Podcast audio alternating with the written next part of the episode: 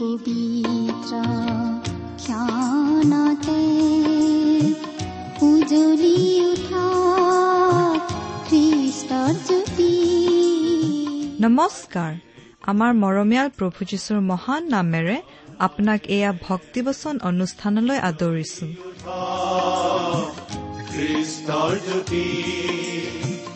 আকাশ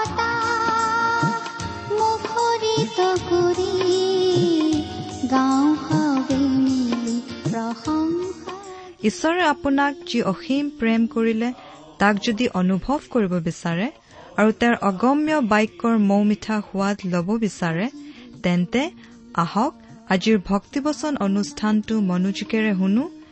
এয়া আপোনালৈ আগবঢ়াইছো ঈশ্বৰৰ জীৱন্ত বাক্যৰ অনুষ্ঠান ভক্তিবচন।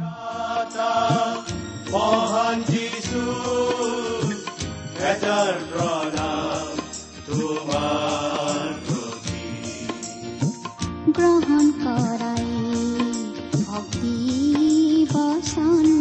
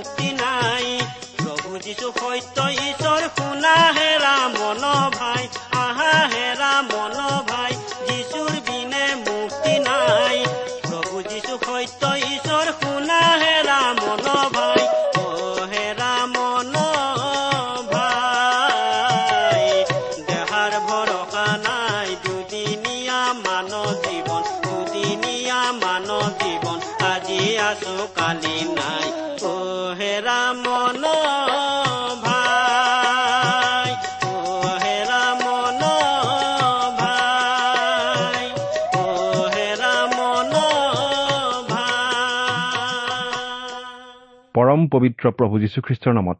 নমস্কাৰ প্ৰিয় শ্ৰোতা। আপোনালোক সকলোৰে সহিত প্ৰভু যীশুৰ অনুগ্ৰহ থাকক। এই শুভ কামনাৰে আৰম্ভ কৰিছো আমাৰ এই ভক্তিবচন অনুষ্ঠান। আহক আমি প্ৰাৰ্থনাৰে আলোচনাৰ পাতনি মেলো হওক। আমি প্ৰাৰ্থনা কৰোঁ। সৰগ নিবাসী মৰমীয়াল পিতৃ পবিত্ৰ প্ৰভু ধন্য ধন্য হওক আপোনাৰ নাম। আপোনাৰ অনুগ্ৰহতে আজি বহুতে সত্যৰ পথ বিচাৰি পাইছে। অন্তৰত শান্তি আৰু আনন্দ পাইছে।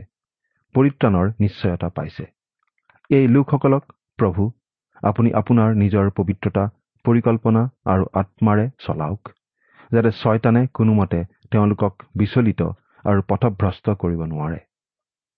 হে প্ৰভু আমি প্ৰাৰ্থনা কৰিছো কাৰণ আমি তেজ মঙহৰ দুৰ্বল মানুহ। পাপৰ বিৰুদ্ধে যুঁজিবলৈ আমাৰ নিজা শক্তি নাই। সেয়েহে আপোনাৰ চৰণত আমি নিজকে সমৰ্পণ কৰিছো। প্ৰভু আপোনাৰ শক্তি আৰু পৰাক্ৰমেৰে আমাক প্ৰতিপালন কৰক। এনে যাচনা কৰিছো আমাৰ নাচৰতীয়া প্ৰভু যীশুখ্ৰীষ্টৰ নামত। আহমেন প্ৰিয় শ্ৰোতা আশা কৰিছো আপুনি আমাৰ এই ভক্তিপচন অনুষ্ঠান নিয়মিতভাৱে শুনি আছে। এই অনুষ্ঠান সম্বন্ধে আপোনাৰ মতামত আদি জনাই আমালৈ চিঠি পত্ৰ লিখিবচোন। আপোনালোকৰ পৰা চিঠি পত্ৰ পাবলৈ আমি আশাৰে বাট চাই থাকোঁ। আমাৰ যোগাযোগৰ ঠিকনা। ভক্তিবচন টি ডব্লিউ আৰ ইণ্ডিয়া ডাক বাকচ নম্বৰ সাত শূন্য গুৱাহাটী সাত আঠ এক শূন্য শূন্য এক। ভক্তিবচন T W R India postbox number seventy Guwahati seven eight one zero' zero' one আমাৰ website W W W dot radio' eight eight two dot com প্ৰিয় শ্ৰোতা আমি আগৰ অনুষ্ঠানত বাইবেলৰ পুৰণি নিয়মৰ যাত্ৰা পুস্তক নামৰ পুস্তকখনৰ বত্ৰিশ নম্বৰ অধ্যায়ৰ আলোচনা কৰি শেষ কৰিছিলোঁ। আজি আমি তেত্ৰিশ নম্বৰ অধ্যায়টো আলোচনাৰ বাবে ল'ব খুজিছোঁ। এই তেত্ৰিশ নম্বৰ অধ্যায়ৰ মূল বিষয়কেইটা কৈ দিছোঁ।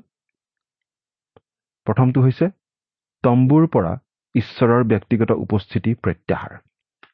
দ্বিতীয়টো হৈছে ইছৰাইলৰ সন্তানবিলাকৰ সুখ।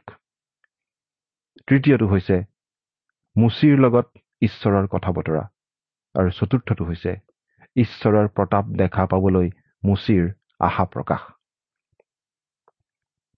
প্ৰিয় শ্ৰোতা যাত্ৰা পুস্তকৰ আলোচনাত আপুনি সদায় এই কথা মনত ৰাখিব লাগে যে ইছৰাইলৰ সন্তানবিলাকে মিছৰৰ পৰা ওলাই মুচিৰ নেতৃত্বত ঈশ্বৰৰ প্ৰতিজ্ঞাৰ দেশলৈ যি যাত্ৰা আৰম্ভ কৰিছিল সেই যাত্ৰা এতিয়াও শেষ হোৱা নাই।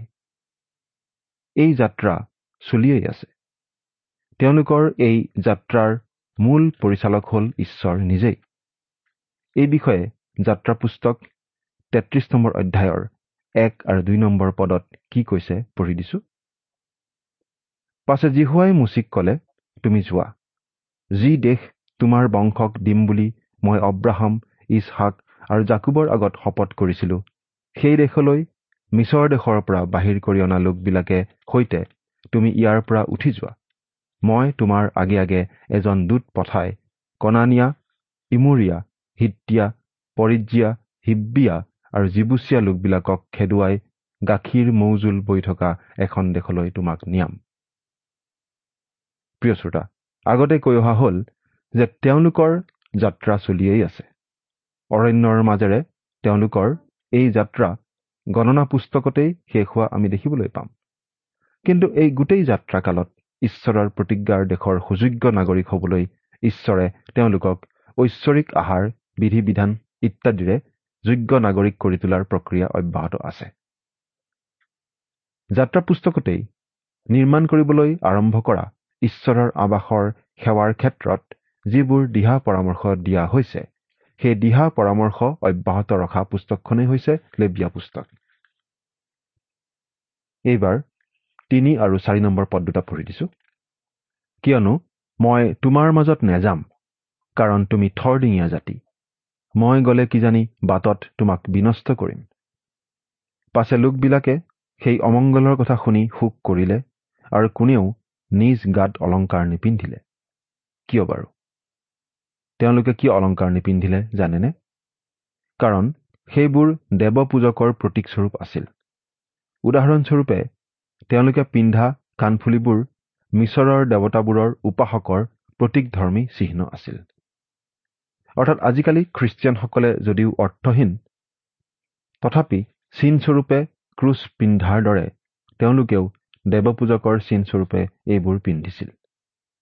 তাৰ পাছত পাঁচ পদত কি কৈছে চাওক। যি হয় মুচিক ক'লে তুমি ইছৰাইলৰ সন্তানবিলাকক এই কথা কোৱা। তোমালোক থৰ ডিঙীয়া জাতি। যদি মই তোমালোকৰ মাজলৈ এক নিমিষৰ নিমিত্তেও যাওঁ তেন্তে মই তোমালোকক বিনষ্ট কৰিম।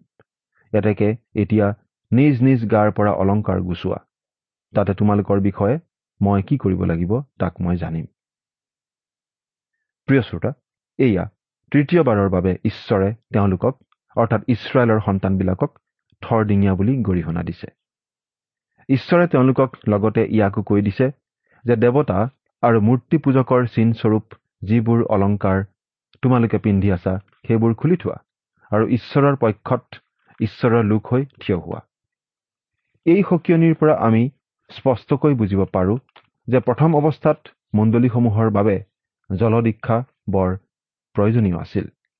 এই জলদীক্ষাই এজন মানুহৰ প্ৰমাণ আছিল যে তেওঁ পুৰণিবোৰ এৰিলে আৰু এজন নতুন সৃষ্টি হ'ল। যেনেকৈ আজি আমি জলদীক্ষাৰ দ্বাৰাই প্ৰমাণ কৰোঁ যে আমি পুৰণি জীৱন ত্যাগ কৰি খ্ৰীষ্টত নতুন জীৱনৰ নতুন সৃষ্টি হলো। খ্ৰীষ্টত পোৱা নতুন জীৱনৰ অভিজ্ঞতাই আমাৰ সাক্ষ্য হোৱা উচিত। ঈশ্বৰৰ এই কথা শুনি ইছৰাইলীয়সকলে কি কৰিলে সেই বিষয়ে ছয় নম্বৰ পদত এনেদৰে কোৱা হৈছে। তাতে ইছৰাইলৰ সন্তানবিলাকে হৰেব পৰ্বতৰ পৰাই অলংকাৰবোৰ দূৰ কৰিলে। ঈশ্বৰৰ বাক্যকে সাৰোগত কৰি তেওঁলোকে অলংকাৰকে হেয় জ্ঞান কৰিলে। সেইদৰে আমি খ্ৰীষ্টত যেতিয়া নতুন জন্ম পাওঁ তেতিয়া পুৰণি অভিলাষসমূহ পাহৰি যোৱা উচিত। এইবাৰ আমি আন এটা বিষয়লৈ আহোঁ। বিষয়টো হ'ল চাউনীৰ বাহিৰত তম্বু স্থাপন। এই বিষয়ে সাত নম্বৰ পদত কি কৈছে চাওঁহক? পাছে মুচিয়ে তম্বুটো লৈ চাউনীৰ বাহিৰে কিছু দূৰত তৰিলে আৰু তাৰ নাম সাক্ষাৎ কৰা তম্বু ৰাখিলে। আৰু জিহুৱাক বিচৰা প্ৰতিজনে চাউনীৰ বাহিৰে থকা সেই সাক্ষাৎ কৰা তম্বুলৈ যায়। ইয়াত কোৱা হৈছে যে মুচিয়ে তম্বুটো নি চাউনীৰ বাহিৰত স্থাপন কৰিলে। এই তম্বুটো ইয়াত এটা সাক্ষাৎ কৰা স্থানহে আছিল। যা হওক এই পদটিত মনত ৰাখিবলগীয়া কথাটো হ'ল এইয়ে যে জিহুৱাক বিচৰা প্ৰতিজনে চাউনীৰ বাহিৰে থকা সেই সাক্ষাৎ কৰা তম্বুলৈ যায়। এই বিষয়ে আমি ইয়াৰ পাছৰ আঠ আৰু ন নম্বৰ পদ্ধতিত এনেদৰে পঢ়িবলৈ পাওঁ। আৰু যেতিয়া মুচি বাহিৰ হৈ ওলাই সেই তম্বুলৈ যায় তেতিয়া সকলো লোকে উঠি প্ৰতিজনে নিজ নিজ তম্বুৰ দুৱাৰমুখত থিয় হয়। আৰু মুচিয়ে সেই তম্বুত নুসুমাই মানলৈকে তেওঁৰ পাছলৈ চাই থাকে। আৰু মুচি তম্বুত সুমোৱাৰ পাছত মেঘ স্তম্ভ আহি তম্বুৰ দুৱাৰমুখত স্থিতি হয়। আৰু জিহুৱাই মুচিৰে সৈতে কথা বতৰা হয়। প্ৰিয় শ্ৰোতা ইয়াত এই প্ৰশ্নটো উদয় হয়। কোনোবাই কেতিয়াবা ঈশ্বৰক দেখা পাইছে নেকি? ইয়াৰ উত্তৰ বাইবেলৰ জোহনে লিখা শুভবাৰ্তা প্ৰথম অধ্যায় ওঠৰ পদত এনেদৰে দিয়া আছে। তাত কোৱা হৈছে যে কোনো মানুহে কেতিয়াও ঈশ্বৰক দেখা নাই। তেন্তে মুচিৰ লগত কোনে কথা বতৰা হৈছিল? ইয়াৰ উত্তৰো জোহনে লিখা শুভবাৰ্তাৰে চৈধ্য নম্বৰ অধ্যায়ৰ ন নম্বৰ পদত দিয়া আছে। তাত কোৱা হৈছে যে যিয়ে যীশুখ্ৰীষ্টক দেখিলে তেওঁ পিতৃকেই দেখিলে। অৰ্থাৎ যীশুখ্ৰীষ্টই হ'ল মাংসিক ৰূপত ঈশ্বৰৰ প্ৰকাশ। পুৰণি নিয়মত তেওঁৰ নামবোৰৰ এটা আছিল প্ৰভুৰ দূত। এই প্ৰভুৰ দূতে মুচিৰ লগত কথা বতৰা হৈছিল। কেনেকৈ কথা বতৰা হৈছিল জানেনে বাৰু? এঘাৰ নম্বৰ পদত চাওক। মানুহে যেনেকৈ নিজ বন্ধুৰ আগত কথা কয় জিহুৱাই তেনেকৈ বন্ধুৰ আগত সন্মুখা সন্মুখীকৈ মুচিক কথা কয়। পাছে মুচি চাউনীলৈ উলটি আহে।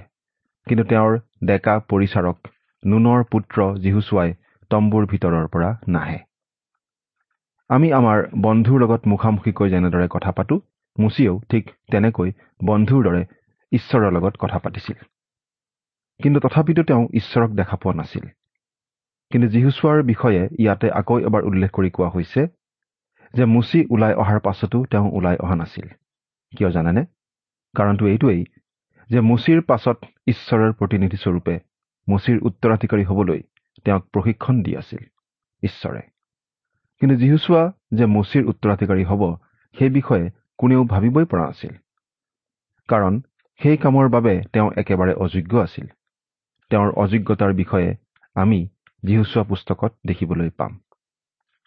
প্ৰিয় শ্ৰোতা ইয়াৰ তলৰ পদ দুটিত আমি ঈশ্বৰৰ গুৰিত মুচিৰ প্ৰাৰ্থনা আৰু ঈশ্বৰৰ উত্তৰৰ বিষয়ে পঢ়িবলৈ পাওঁ।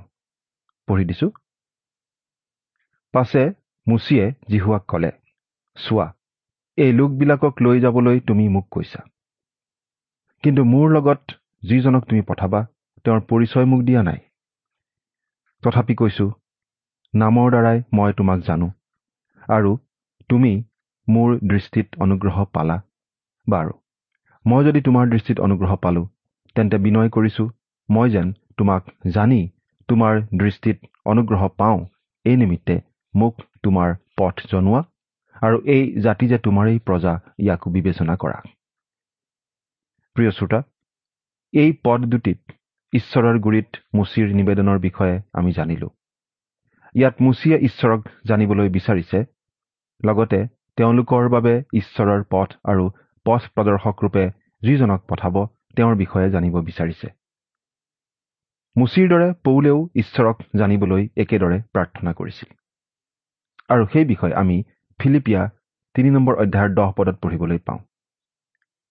তাৰোপৰি ফিলিপেও ঈশ্বৰক জানিবলৈ ইচ্ছা কৰিছিল আৰু সেয়েহে জোহন চৈধ্য নম্বৰ অধ্যায়ৰ আঠ নম্বৰ পদত উল্লেখ কৰা হৈছে। ফিলিপে তেওঁক ক'লে হে প্ৰভু পিতৃকে আমাক দেখুৱাওক সেয়ে আমালৈ যথেষ্ট। এই উদাহৰণসমূহৰ পৰা আমাৰ স্পষ্ট ধাৰণা হয় যে মুচি ফিলিপ আৰু পৌলৰ দৰে প্ৰত্যেকজন ঈশ্বৰ বিশ্বাসীৰেই ঈশ্বৰক জানিবলৈ এটি আন্তৰিক হাবিয়াস থাকে আৰু আছিল আৰু থকাটো উচিত। এতিয়া চৈধ্য আৰু পোন্ধৰ নম্বৰ পদ দুটা পাঠ কৰি দিছো। তেতিয়া তেওঁ ক'লে মই স্বয়ং তোমাৰ লগত যাম আৰু মই তোমাক বিশ্ৰাম দিম। তাতে মুচিয়ে তেওঁক ক'লে যদি তুমি স্বয়ং মোৰ লগত নোযোৱা তেন্তে আমাক ইয়াৰ পৰা লৈ নাযাবা। প্ৰিয় শ্ৰোতা মুচিয়ে জানিছিল যে ঈশ্বৰৰ অবিহনে ইছৰাইলৰ এই ডাঙৰ দলটিক অৰণ্যৰ মাজেৰে পৰিচালনা কৰাটো সহজ কাম নাছিল। সেয়েহে এই কাৰ্যত তেওঁ ঈশ্বৰৰ সহায় বিচাৰিছিল। ঈশ্বৰেও তেওঁৰ সংগে সংগে থাকি সহায় কৰাৰ প্ৰতিশ্ৰুতি দিছিল। কিন্তু ইয়াৰ আগতে এটা কথালৈ মন কৰক যে ইছৰাইলীয়সকলে পিন্ধি থকা দেৱপূজকৰ প্ৰতীকস্বৰূপ অলংকাৰবোৰ গুচাই থৈ ঈশ্বৰৰ পক্ষত থিয় হ'বলৈ তেওঁলোকক আহ্বান কৰিছিল। সঁচাকৈ যদি আমি আজি ঈশ্বৰৰ আহ্বানৰ প্ৰতি সজাগ হৈ তেওঁৰ পক্ষত থিয় হওঁ তেন্তে তেওঁ আমাক নিশ্চয় সহায় কৰিব। ষোল্ল নম্বৰ পদ। কিয়নো মই আৰু তোমাৰ এই প্ৰজাবিলাক যে তোমাৰ দৃষ্টিত অনুগ্ৰহ পাইছে ইয়াক কিহৰ দ্বাৰাই জনা যাব? তুমি আমাৰ লগত যোৱাৰ দ্বাৰাই নহয়নে? তাৰ দ্বাৰাই মই আৰু তোমাৰ প্ৰজাবিলাক গোটেই পৃথিৱীত থকা সকলো জাতিৰ পৰা বিভিন্ন হওঁ। এই পদটিত এইটো কথা স্পষ্টকৈ ওলাই পৰিছে যে ঈশ্বৰৰ অনুগ্ৰহ পোৱা লোকসকল জাগতিক মানুহৰ পৰা পৃথক। এই পৃথককৰণৰ অন্তৰালত যে ঈশ্বৰৰ এটা মহৎ উদ্দেশ্য আছে সেই কথা আমি সদায় মনত ৰখা উচিত। এই কথা মনত ৰাখিয়েই আমি মণ্ডলীৰ লোকসমূহ আত্মিকভাৱে সজাগ হোৱা উচিত। ইয়াৰ দ্বাৰা বুজোৱা হৈছে যে আমি ঈশ্বৰৰ ব্যৱস্থাৰ ওপৰতে ভৰসা কৰা উচিত। ইয়াৰ বাহিৰে যদি আমি অন্যৰ ওপৰত ভৰসা কৰোঁ তেন্তে ঈশ্বৰৰ ব্যৱস্থাৰ পৰা বিচলিত হ'ব পাৰোঁ। প্ৰিয় শ্ৰোতা ইয়ালৈকে আমি ঈশ্বৰৰ ওচৰত মুচিয়ে কৰা নিবেদনৰ বিষয়ে পালো। এইবাৰ ঈশ্বৰে মুচিক উত্তৰ দিয়া দেখিবলৈ পাম। এই বিষয়ে সোতৰ নম্বৰ পদটি পঢ়ি দিছো। পাছে জিহুৱাই মুচিক ক'লে এই যি কথা তুমি ক'লা তাকো মই কৰিম। কিয়নো তুমি মোৰ দৃষ্টিত অনুগ্ৰহ পাইছা আৰু মই নামৰ দ্বাৰাই তোমাক জানো। মুচি আৰু ঈশ্বৰৰ এই কথা বতৰাখিনিৰ পৰা আমি স্পষ্টকৈ বুজিব পাৰোঁ যে মুচিৰ ঈশ্বৰৰ লগত বৰ ঘনিষ্ঠ সম্পৰ্ক আছিল। কাৰণ তেওঁ ঈশ্বৰৰ লগত মুখামুখিকৈ কথা পতাৰ দৰে কথা পাতিছিল। লগতে মুচিৰ নিবেদনৰ প্ৰতি ঈশ্বৰৰ সমৰ্থন ইয়াত প্ৰকাশ কৰা হৈছে। এতিয়া আমি ওঠৰ নম্বৰ পদটি পঢ়ি দিব খুজিছোঁ। তেতিয়া তেওঁ ক'লে বিনয় কৰিছো। তুমি মোক তোমাৰ প্ৰতাপ দেখিবলৈ দিয়া। ইয়াৰ অৰ্থ হৈছে যে মুচিয়ে যদিও ঈশ্বৰৰ লগত মুখামুখিকৈ কথা পতাৰ দৰে কথা পাতিছিল তথাপিতো ঈশ্বৰক দেখা পোৱা নাছিল। ইয়াৰ যোগেদি আমাৰ বাবে এটা শিক্ষা দাঙি ধৰা হৈছে। সেয়া হৈছে আমি যদিও আজি ঈশ্বৰক মুখামুখিকৈ দেখা নাপাওঁ তথাপিতো আমাৰ অন্তৰ আত্মাৰে তেওঁৰ লগত কথা হ'ব পাৰোঁ। প্ৰাৰ্থনা হৈছে ঈশ্বৰৰ লগত কথা কোৱাৰ এটা উৎকৃষ্ট মাধ্যম। এই মাধ্যমটো আপুনি নিয়মিতভাৱে প্ৰয়োগ কৰি আছেনে বাৰু? যদি কৰা নাই তেন্তে আজিয়েই চেষ্টা কৰি চাওকচোন। কিন্তু তাৰ আগতে আপুনি ঈশ্বৰৰ হাতত নিজকে ধৰা দিব লাগিব। এতিয়া আমি ঊনৈছ নম্বৰ পদটি পঢ়ি দিছোঁ। তাতে জিহুৱাই ক'লে মই তোমাৰ আগেদি মোৰ সকলো শ্ৰেষ্ঠত্ব গমন কৰাম আৰু তোমাৰ আগত জিহুৱাৰ নাম ঘোষণা কৰিম।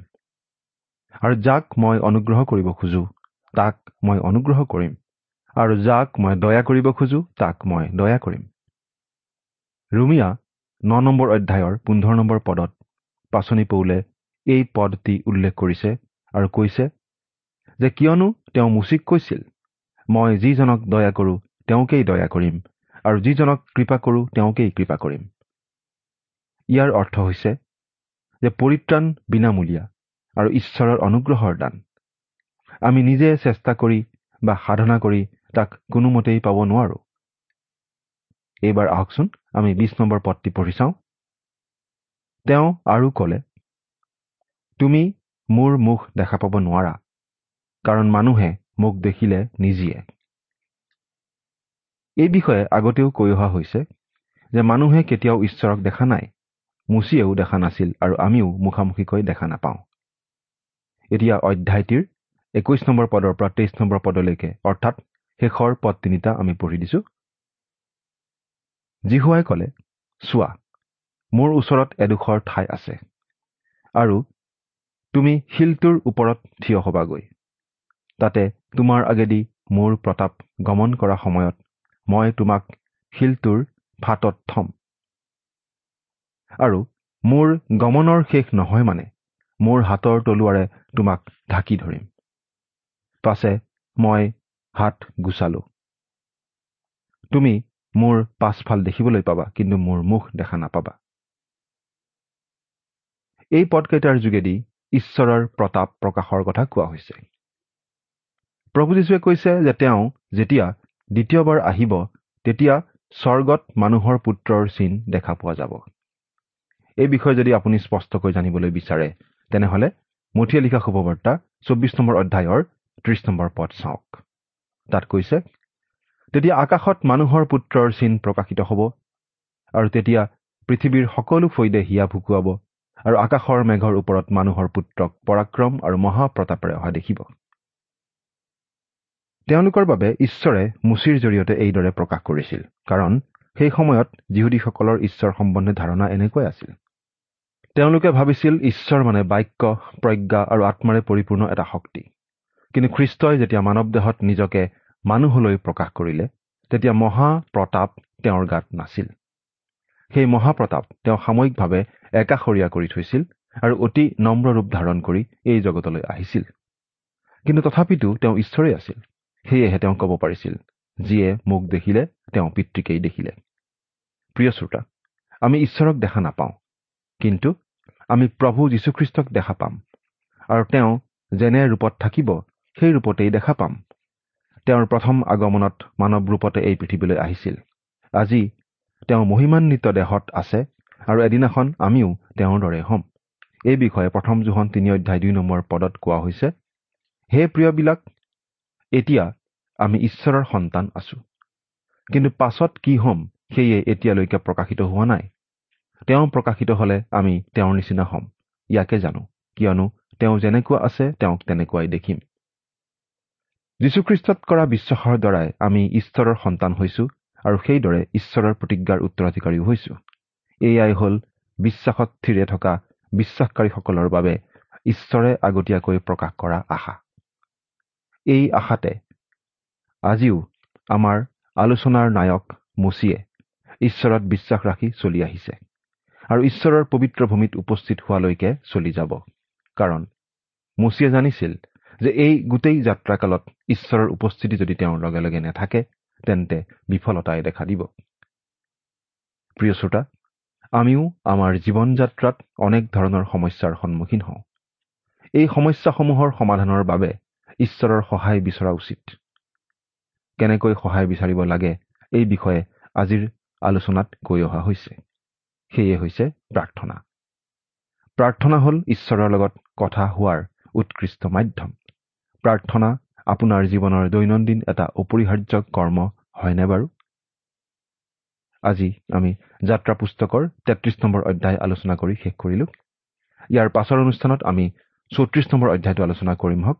আশা কৰোঁ আপোনালোক আটাইয়ে আমাৰ লগত সহযোগ কৰি আমাৰ এই অনুষ্ঠান সাফল্যমণ্ডিত কৰিব। আজিলৈ আপোনালোক আটাইকে পুনৰ খ্ৰীষ্টীয় প্ৰেমৰ নমস্কাৰ জনাই আমাৰ আলোচনা ইমানতে সামৰিছো। ধন্যবাদ।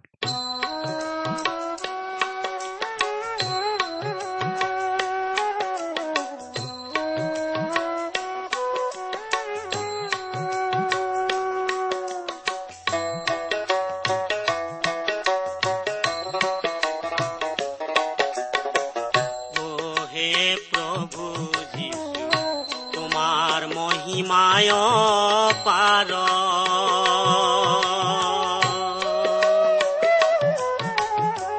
তোমাৰ চৰণে নভজিলো শৰণ মই মহাপাপী তোমাৰ চৰণে নভজিলো শৰণ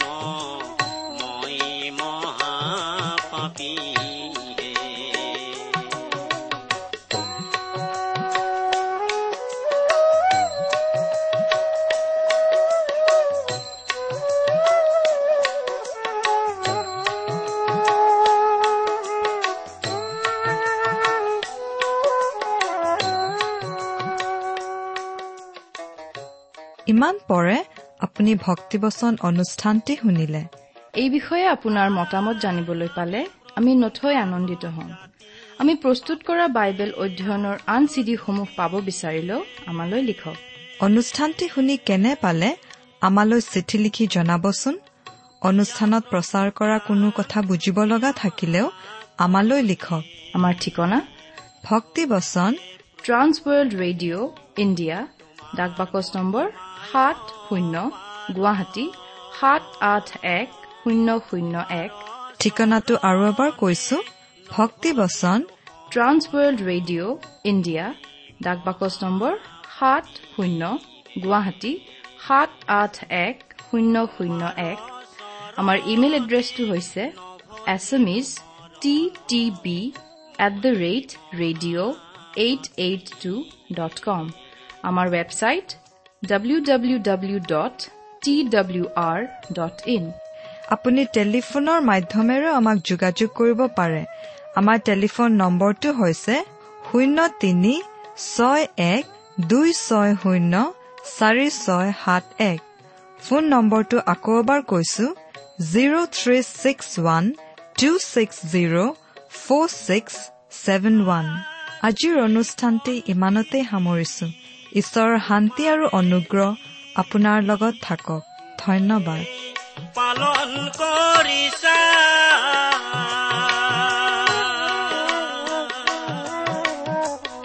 আমি প্ৰভু মহাপাপী পাপৰ সংসাৰত আছো ডুবি কৰা প্ৰভু আমাক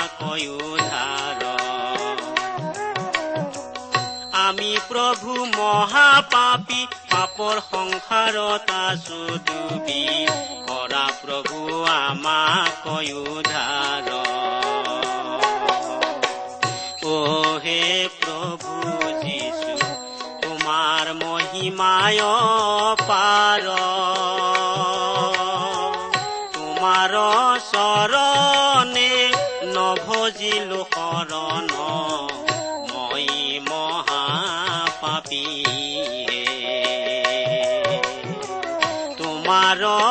তোমাৰ